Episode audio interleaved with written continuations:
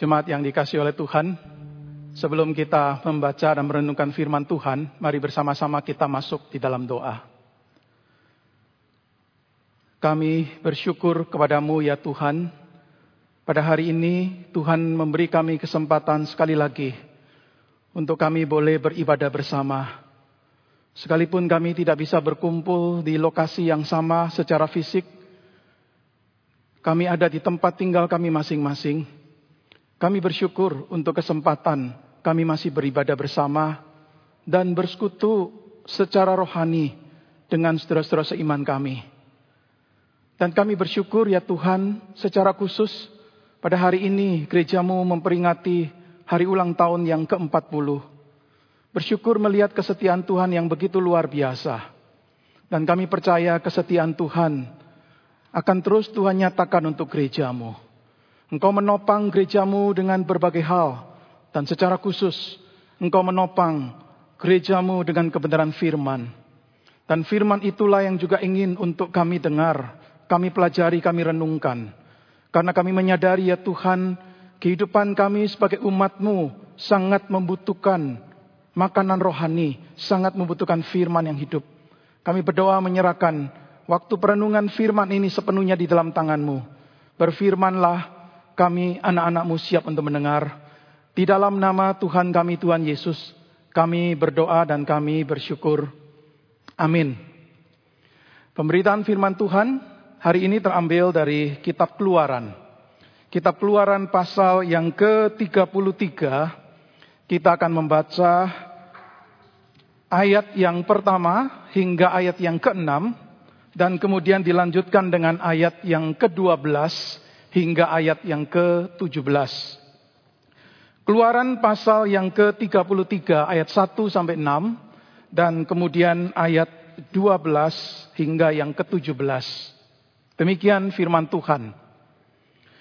Berfirmanlah Tuhan kepada Musa, Pergilah berjalanlah dari sini, engkau dan bangsa itu yang telah kau pimpin keluar dari tanah Mesir, ke negeri yang telah kujanjikan dengan sumpah kepada Abraham, Ishak dan Yakub demikian, kepada keturunanmu lah akan kuberikan negeri itu. Aku akan mengutus seorang malaikat berjalan di depanmu, dan akan menghalau orang Kanaan, orang Amori, orang Het, orang Feris, orang Hewi, dan orang Yebus, yakni ke satu negeri yang berlimpah-limpah susu dan madu. Sebab aku tidak akan berjalan di tengah-tengahmu, karena engkau ini bangsa yang tegar tengkuk, supaya aku jangan membinasakan engkau di jalan. Ketika bangsa itu mendengar ancaman yang mengerikan ini, berkabunglah mereka, dan seorang pun tidak ada yang memakai perhiasannya. Berfirmanlah Tuhan kepada Musa, katakanlah kepada orang Israel, kamu ini bangsa yang tegar tengkuk. Jika aku berjalan di tengah-tengahmu sesaat pun, tentulah aku akan membinasakan kamu. Oleh sebab itu, tanggalkanlah perhiasanmu, maka aku akan melihat apa yang akan kulakukan kepadamu. Demikianlah orang Israel tidak memakai perhiasan-perhiasan lagi sejak dari Gunung Horeb. Kemudian ayat yang ke-12 hingga yang ke-17.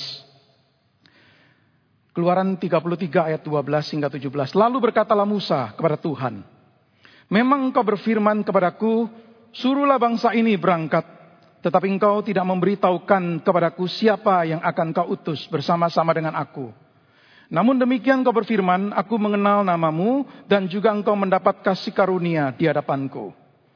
Maka sekarang jika aku kiranya mendapat kasih karunia di hadapanmu. Beritahukanlah kiranya jalanmu kepadaku, sehingga aku mengenal engkau, supaya aku tetap mendapat kasih karunia di hadapanmu. Ingatlah bahwa bangsa ini umatmu. Lalu ia berfirman, Aku sendiri hendak membimbing engkau dan memberikan ketentraman kepadamu. Berkatalah Musa kepadanya, Jika engkau sendiri tidak membimbing kami, janganlah suruh kami berangkat dari sini. Dari manakah gerangan akan diketahui bahwa aku telah mendapat kasih karunia di hadapanmu, yakni aku dengan umatmu ini? Bukankah karena engkau berjalan bersama-sama dengan kami, sehingga kami, aku dan umatmu ini, dibedakan dari segala bangsa yang ada di muka bumi ini? Berfirmanlah Tuhan kepada Musa, Juga hal yang telah kau katakan ini akan kulakukan. Karena engkau telah mendapat kasih karunia di hadapanku dan aku mengenal engkau. Sampai sedemikian jauh pembacaan firman yang berbahagia mereka yang bukan hanya membaca, mendengar, tetapi yang juga melakukan di dalam kehidupan setiap hari. Sekilas tampaknya seperti satu kabar baik, berita baik, good news. Tetapi sebenarnya itu bukan kabar baik. Itu bukan good news. Saudara bangsa Israel di awal cerita di keluaran 33 yang baru saja kita baca, berada dalam situasi good news, kabar baik, tetapi juga bad news. Kalau saudara perhatikan di keluaran pasal 33 ini dimulai dengan pemberitahuan dari Allah melalui Musa. Berfirmanlah Tuhan pada Musa, pergilah dan berjalanlah dari sini engkau dan bangsa itu yang telah kau pimpin keluar dari Mesir, ke negeri yang telah kau janjikan dengan sumpah kepada Abraham, Ishak dan Yakub. Demikian, pada keturunan mula akan kuberikan negeri itu. Aku akan mengutus seorang malaikat berjalan di depanmu dan akan menghalau orang Kanaan, orang Amori, orang Het, orang Feris, orang Hewi, dan orang Yebus, yakni ke satu negeri yang berlimpah-limpah susu dan madu. Jadi kalau berhenti sampai di sini, kita bisa mengatakan sekilas tampaknya apa yang dikatakan oleh Allah ini kepada bangsa Israel adalah good news, kabar baik. Sekalipun bangsa Israel sudah berdosa. Saudara kalau lihat dosa besar yang mereka lakukan tercatat di satu pasal sebelumnya pasal 32 yaitu mereka membuat anak lembu emas dan menyembahnya. Itu dosa besar. Tapi sekalipun orang Israel ini berdosa, Allah tetap akan membawa umatnya ini masuk ke tanah perjanjian. Sekalipun apa yang Israel lakukan itu mendukakan hati Allah, Allah tetap mau untuk memenuhi janji-janjinya. Bersama dengan Musa sebagai pemimpin, bangsa Israel akan masuk ke tanah perjanjian. Bersama dengan malaikat yang diutus, Allah itu akan menjadikan tanah perjanjian itu aman dari bahaya. Musuh-musuh itu akan dikalahkan. Maka bangsa Israel itu akan bisa masuk dan menikmati tanah perjanjian itu dan bahkan dikatakan ini tanah dengan segala kelimpahannya susu dan madu. Setelah itu simbol kelimpahan, kemakmuran. Setelah bukankah berkat-berkat ini sangat diinginkan, sangat dirindukan, sangat dinantikan oleh bangsa Israel. Tetapi ada satu masalah. Dan ini kabar buruknya, ini good, ini bad newsnya. Saudara yang dikasih oleh Tuhan Allah memutuskan untuk tidak berjalan dengan bangsa Israel. Di ayat 3 bagian B dikatakan begini. Sebab aku tidak akan berjalan di tengah-tengahmu karena engkau ini bangsa yang tegar tengkuk. Supaya aku jangan membinasakan engkau di jalan. Jadi sudah perhatikan Allah itu sepertinya berkata begini. Oke, aku akan memberikan semua berkat ini. Tetapi aku tidak akan berjalan bersamamu. Allah akan menyediakan yang mereka perlukan. Allah akan melindungi. Allah akan memberikan kelimpahan. Tetapi kehadirannya tidak akan ada di dalam kehidupan mereka. Saudara Allah menawarkan untuk memberkati mereka tanpa perlu memiliki relasi dengan mereka. Nah, Allah harus lakukan ini kenapa? Karena dikatakan di sini bangsa Israel itu tegar tengkuk dan Allah itu bisa membinasakan mereka dalam perjalanan. Di pasal 32 setelah mereka melakukan penyembahan anak lembu emas itu, Allah menghukum mereka, ada yang mati, ada yang kena tulah. Jadi sebenarnya keputusan Allah untuk tidak berjalan bersama mereka untuk melindungi bangsa Israel. Karena Allah bisa menghukum mereka kapan pun mereka berdosa. Karena Allah itu kudus dan adil. Maka segala bentuk kecemaran itu pasti akan bisa mendatangkan hukuman dari Allah. Jadi setelah kita melihat di sini Allah itu menawarkan umatnya semua berkat tanah perjanjian. Tanpa perlu khawatir dengan ancaman kehadirannya. Semua berkat Allah tetapi tanpa Allah di dalamnya. Kalau saudara dan saya ditawari penawaran seperti itu, apakah saudara tertarik? Mungkin ada di antara saudara yang berkata, "Oh, tidak." Tetapi mungkin ada sebagian orang percaya yang melihat itu sebagai penawaran yang cukup menarik dan diinginkan. Saudara ada orang-orang yang memang mau berkat-berkat Allah lebih mau berkat-berkat Allah tetapi tidak peduli dengan Allah itu hadir atau tidak dalam hidup mereka. Mereka menginginkan Allah untuk memberkati mereka. melindungi mereka, menyelamatkan mereka, menyediakan yang baik, menolong dalam kesulitan, menolong mengatasi berbagai halangan, tetapi tidak terlalu tertarik untuk memiliki relasi dengan Allah yang hidup, yang mau membimbing mereka. Sudah kenapa? Sebab mereka akan berpikir begini, kalau Allah hadir dan membimbing, Allah bisa meminta, Allah bisa menuntut berbagai hal yang mungkin mereka tidak sukai. Jadi tidak suka dengan perubahan hidup kalau Allah itu menuntut, tidak suka dengan kekudusan Allah.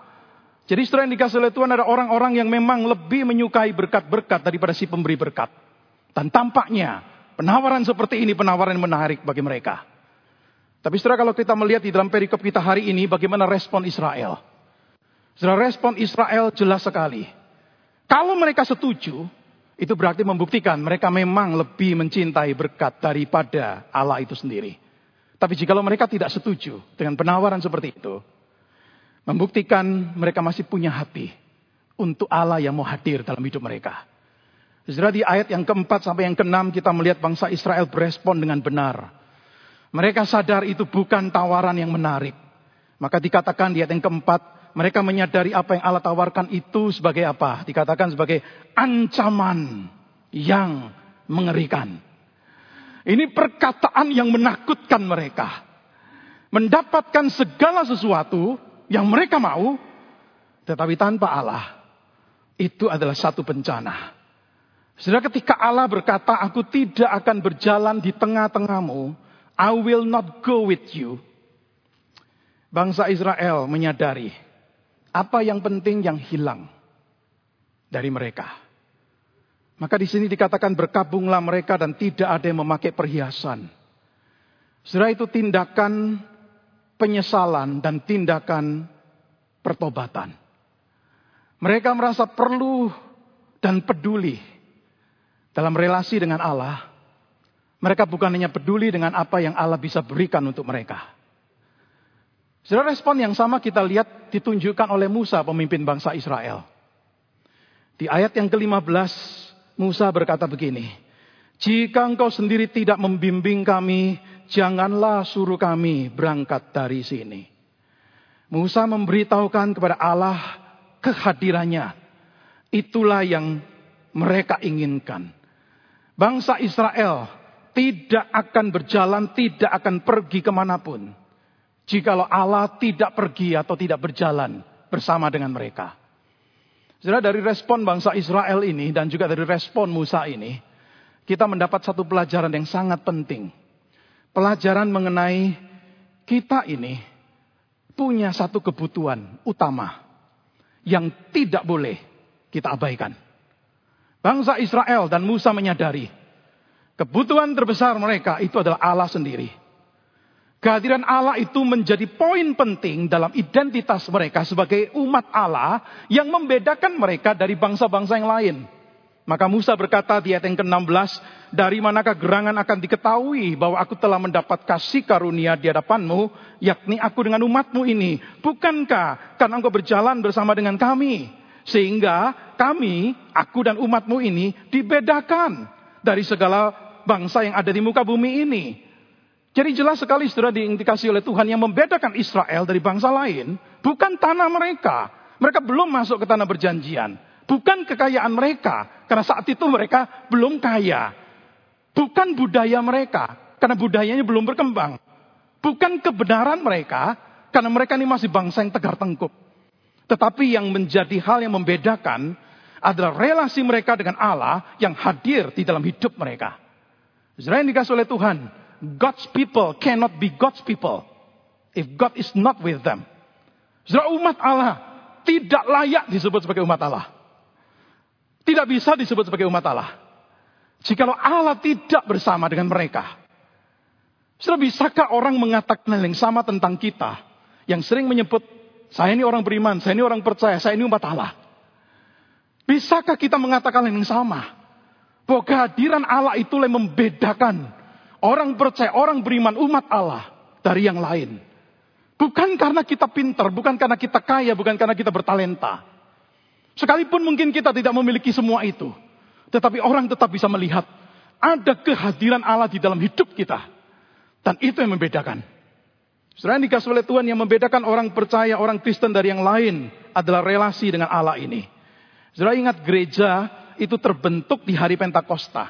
Ketika roh kudus dicurahkan, dan kemudian roh kudus memenuhi dan tinggal di dalam kehidupan orang-orang percaya pada masa itu. Dan mentransformasi mereka menjadi komunitas yang luar biasa. Komunitas yang berani memberitakan kabar baik. Sudah kenapa? Karena ada roh Allah hadir, tinggal di dalam hidup mereka. Selain dikasih oleh Tuhan Musa dan bangsa Israel menyadari ini penting. Ini bukan sekedar membedakan mereka, ini bukan sekedar identitas mereka. Tetapi ini memang penting karena apa? Karena kalau Allah hadir, itu berarti akan ada tuntunan, akan ada bimbingan. Saudara ingat bangsa Israel sedang ada di padang gurun, mereka sedang dalam perjalanan menuju ke tanah perjanjian. Hidup di padang gurun itu jelas bukan kehidupan yang mudah. Banyak tantangan, banyak kesulitan, bisa salah arah, bisa tersesat. Maka bangsa Israel sangat membutuhkan kehadiran Allah ini. Sebab kalau tidak, maka mereka bisa akan tersesat, tidak bisa terus berjalan. Mereka menyadari mereka tidak memiliki resources yang cukup. Mereka tidak memiliki sumber-sumber daya yang cukup pada diri mereka sendiri untuk menggenapkan apa yang menjadi misi Allah bagi mereka. Musa menyadari sebagai pemimpin bahwa satu-satunya jalan untuk Israel betul-betul bisa menggenapkan rancangan Allah sebagai umatnya dalam hidup mereka adalah mereka memiliki Allah di pusat hidup mereka. Saudara, bisakah kita sebagai umat Allah, sebagai orang percaya juga memiliki keyakinan yang sama? Kehadiran Allah itu merupakan pengharapan besar selagi kita terus berjalan dalam perjalanan hidup ini. Ada satu orang pernah berkata begini, penghukuman terbesar atau penghakiman terbesar dari Allah adalah ketidakhadirannya. His absence, God's absence. Bukan kehadirannya. His presence. Sudah kali kita menganggap kalau Allah hadir, wow ini mengerikan sekali. Tapi justru ketika Allah tidak hadir, itu seperti mengalami neraka di dunia ini. Seorang tokoh gereja di abad yang keempat bernama Jerome pernah mengatakan satu kalimat yang paradoks. Dia mengatakan begini, kemarahan atau murka terbesar Allah adalah pada waktu dia sudah tidak murka lagi, tidak marah lagi, ketika kita berbuat dosa. Jadi ini kalimat tajam sekali. Ketika Allah sudah tidak marah lagi dan biarkan kita berbuat dosa. Itu justru kemarahan terbesar. Kemarahan yang terbesar adalah ketika Allah membiarkan kita tidak diajar lagi. Tidak ditegur lagi. Tidak didisiplin lagi. Saudara kalau Allah hadir, kita bersyukur dia masih memperingatkan kita jikalau kita salah dan berdosa. Bahkan bila perlu dia mendisiplin kita. Kalau Allah hadir, kita masih punya pribadi yang kepadanya kita bisa datang di dalam doa. Sudah bukankah ini permohonan dari Musa secara pribadi di ayat yang ke-13 Musa berkata begini sebagai pemimpin bangsa Israel. Jika aku kiranya mendapat kasih karunia di hadapanmu, beritahukanlah kiranya jalanmu kepadaku sehingga aku mengenal engkau. Setelah ketika kita berusaha melakukan apa yang Allah panggil untuk kita lakukan, harusnya kita berdoa dengan spirit yang sama seperti Musa berdoa. Meminta Tuhan berjalan dengan kita, memberikan kita pengenalan akan Dia. Saya percaya apa yang akan kita lakukan akan berhasil. Berhasil dalam pengertian secara benar di mata Tuhan. Jikalau Allah itu ada di dalamnya. Sudah kapan pun kita bersedia untuk melakukan apa yang Allah mau untuk kita lakukan. Apakah itu kita ingin menjadi seorang suami yang baik, istri yang baik, orang tua yang baik, pengusaha yang baik, orang Kristen yang baik. Sudah kita perlu berdoa supaya Tuhan menolong kita, memberkati kita. Sebab jikalau tidak, semua usaha kita itu akan sia-sia. Tuhan bisa memakai apa saja untuk mengarahkan kita. Dia bisa memakai keadaan yang mungkin berubah tiba-tiba seperti pandemi ini untuk mengajar kita sesuatu. Tapi yang penting kita punya hati yang teachable, hati yang guidable, yang mau diajar, yang mau dituntun. Juga hati yang percaya bahwa dia memimpin selalu dengan tujuan untuk kebaikan. Selain dikasih oleh Tuhan, kalau kita cuma fokus pada berkat-berkat Allah dan tidak peduli dengan kehadiran Allah, maka iman kita bisa melemah pada waktu keadaan menjadi sulit. Saudara, jikalau kita cuma fokus mencintai apa yang Allah berikan, tetapi tidak mencintai Allah itu sendiri, dan tidak mau dia hadir dalam hidup kita, apa yang akan terjadi jikalau Allah tidak memberikan pemberiannya? Apa yang akan terjadi jikalau Allah menahan pemberiannya? Tema peringatan HUT GKY Greenfield ke-40 adalah Go With Us. Berjalanlah bersama kami. Tema yang terinspirasi dari permohonan Musa di ayat 15. Jika engkau sendiri tidak membimbing kami, jangan suruh kami berangkat dari sini. Kalau Tuhan tidak ikut dengan kami, jangan suruh kami meninggalkan tempat ini. Setelah dari permohonan Musa ini kita belajar sebagai gereja Tuhan, sebagai umat Allah. Mengenai apa itu kebutuhan utama dalam perjalanan kehidupan umat Allah. Sudah ada orang berkata begini, seorang tokoh reformator bernama Bullinger, Henrik Bullinger di abad 16 dia berkata gereja itu adalah kebun anggur Allah. God's vineyard. Setelah ketika saya membaca kalimat sederhana dari dia, langsung membawa kita, langsung membawa saya mau ingat perkataan Yesus di Yohanes 15. Akulah pokok anggur dan kamulah ranting-rantingnya. Barang siapa tinggal di dalam aku dan aku di dalam dia, ia berbuah banyak. Sebab di luar aku kamu tidak dapat berbuat apa-apa. Mau berbuah, tetapi di luar aku, kamu tidak dapat berbuat apa-apa. Selain dikasih oleh Tuhan sebagai gereja, kita memerlukan kehadiran Allah untuk kita bisa mengenapkan misinya. Kita tidak hanya bisa mengandalkan metode kita, strategi kita, kepandaian kita, keuangan kita, promosi kita, marketing kita. Tetapi kuasa kehadirannya sangat kita perlukan mengenapkan misi yang Tuhan percayakan. Kehadiran Allah kita perlukan untuk bisa menjangkau jiwa-jiwa. Menolong kita untuk bisa mungkin membuka pos-pos PI.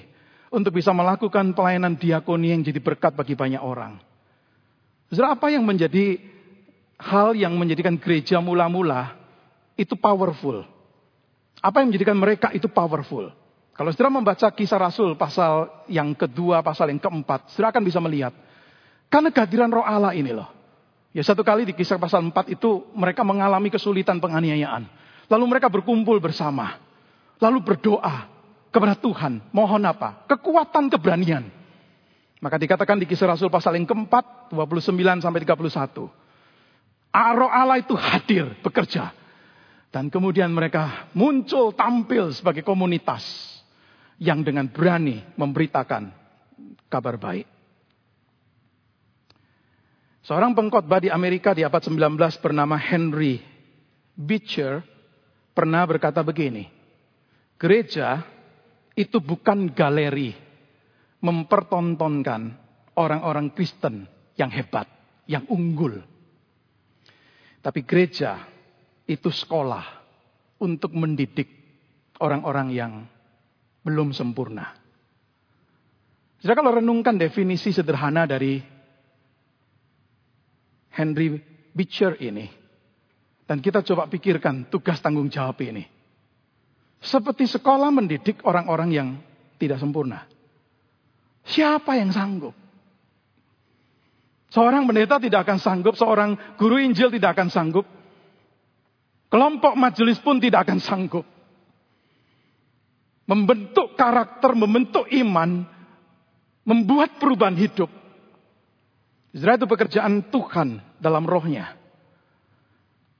Maka sebagai gereja kita memang sangat butuh kehadiran itu untuk bisa kita bersama-sama menjadikan orang-orang yang ada di dalam gereja menjadi murid-murid yang bertumbuh. Orang-orang yang dewasa di dalam iman. Apa yang menjadikan gereja bertumbuh? Sudah jangan lupa perkataan yang pernah Paulus katakan bergereja di Korintus.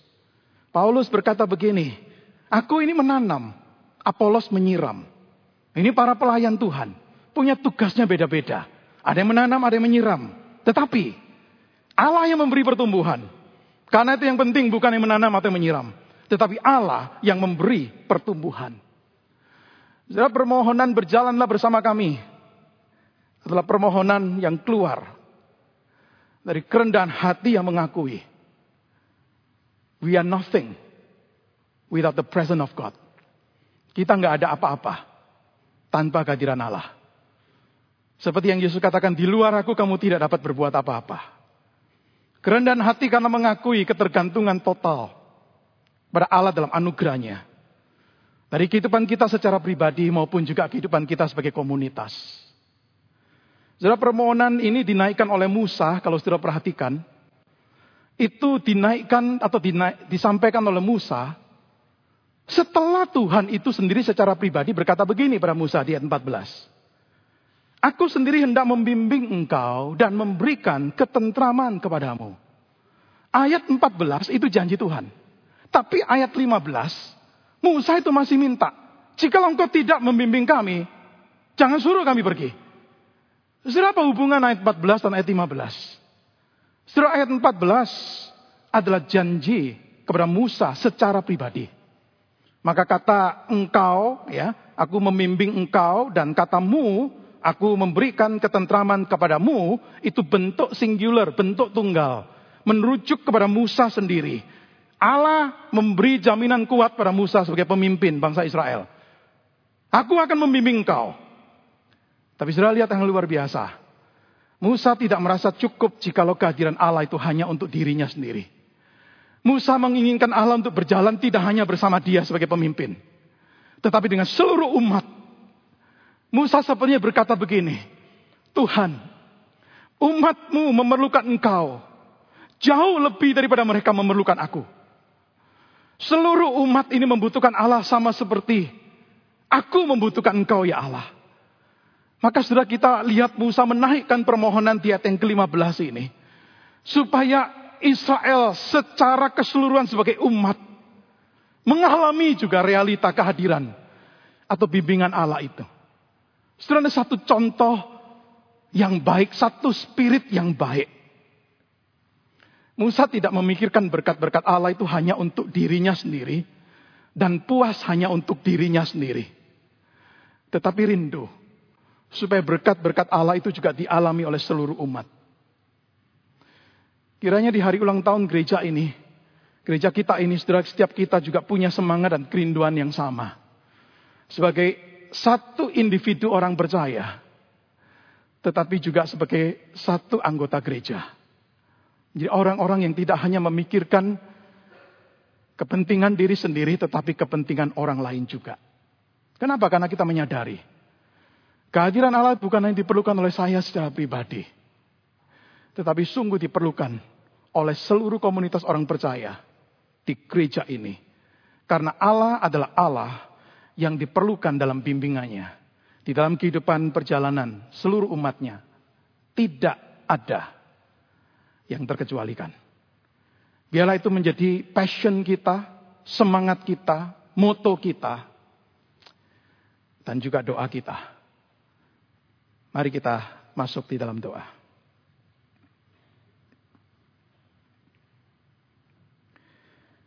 Terima kasih untuk apa yang boleh kami renungkan dari pelajaran rohani yang kami dapatkan dari keluaran pasal 33. Pembelajaran dari bangsa Israel dan Musa sebagai pemimpin membawa kami untuk menyadari ya Tuhan kebutuhan terbesar terpenting dalam perjalanan hidup kami sebagai umat Allah adalah Engkau, Allah, hadir dalam hidup kami secara pribadi dan juga di dalam komunitas gereja Tuhan. Kami mohon Tuhan kesadaran ini menjadi sesuatu yang sungguh meresap masuk di dalam seluruh aspek hidup kami sebagai orang percaya, sebagai komunitas gereja Tuhan. Engkau sudah memimpin gereja ini selama 40 tahun. Dan kami menyadari Tuhan selama 40 tahun ini melihat kesetiaan Tuhan kami bersyukur. Tuhan sudah memimpin, sudah membimbing. Tapi kami menyadari Tuhan sebagai gerejamu. Kami tidak pernah, tidak perlu engkau hadir.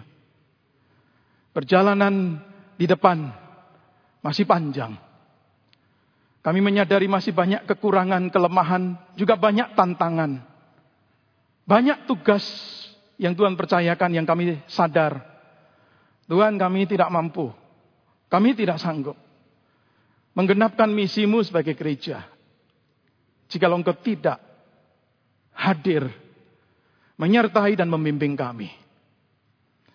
Berkati firmanmu untuk menjadi pedoman untuk hidup kami secara pribadi sebagai orang percaya. Dan juga sebagai komunitas gereja Tuhan. Terpuji namamu di dalam nama Tuhan Yesus kami berdoa dan kami bersyukur. Amin.